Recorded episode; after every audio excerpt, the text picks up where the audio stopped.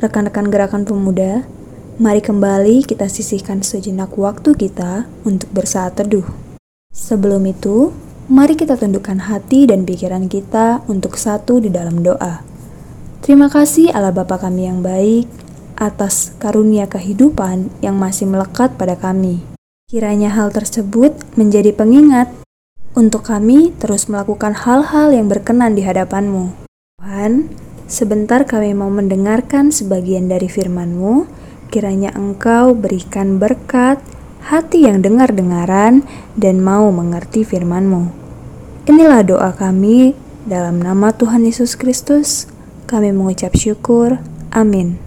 Ayat bacaan kita pada hari ini terambil dari Roma 15 ayatnya yang kelima yang berbunyi demikian. Semoga Allah yang adalah sumber ketekunan dan penghiburan mengaruniakan kerukunan kepada kamu sesuai dengan kehendak Kristus Yesus. Baik rekan-rekan, renungan kita pada hari ini berjudul Hidup Rukun. Makna kata kerukunan adalah hidup bersama dengan sesama yang memiliki beragam perbedaan, namun mampu disikapi secara damai, tenang, tertib, tentram, tidak berkonflik, tidak bermusuhan, dan tidak terpecah.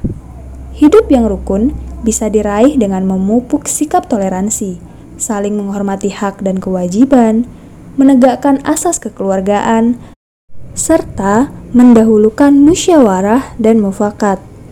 Di jemaat Roma terjadi perselisihan dan saling menolak antara sesama Kristen yaitu antara orang Kristen Yahudi dengan orang Kristen non-Yahudi.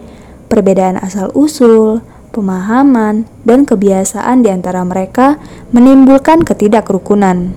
Karena itulah, dalam bacaan hari ini, Rasul Paulus menekankan pentingnya kerukunan sebab hal itu sesuai dengan kehendak Kristus Yesus.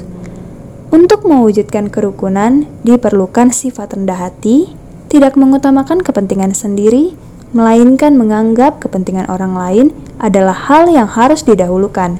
Inilah yang disampaikan Paulus dalam Filipi pasalnya yang kedua, ayatnya yang ketiga B sampai yang keempat. Apabila kita melihat berita di negeri kita, khususnya di masa pandemi COVID-19, tak jarang kita menemukan tindakan-tindakan yang egois, seperti menumpuk obat, vitamin, masker, dan lain-lain apalagi di antara mereka yang secara ekonomi sangat terdampak oleh pandemi. Begitu pula berbagai aksi saling menuding yang dilakukan di media sosial, serta berakibat melecehkan agama lain.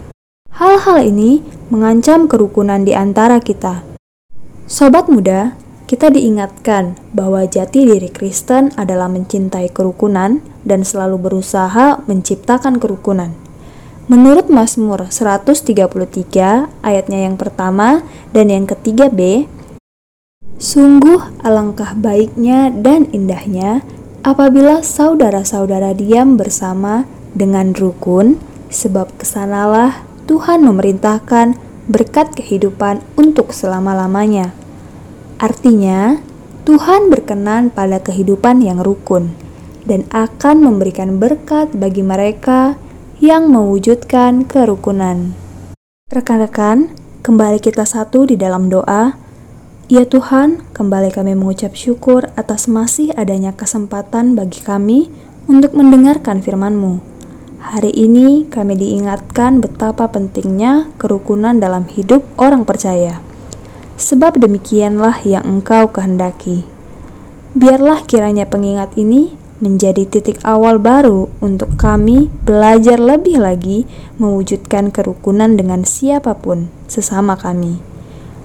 Engkau berkati hari kami, masing-masing kami, biarlah apa yang menjadi pilihan kami di setiap langkah kami tidak menimbulkan perselisihan, melainkan mewujudkan kerukunan. Inilah doa dan harap kami, kami bersyukur. Amin. Selamat menjalankan hari rekan-rekan pemuda.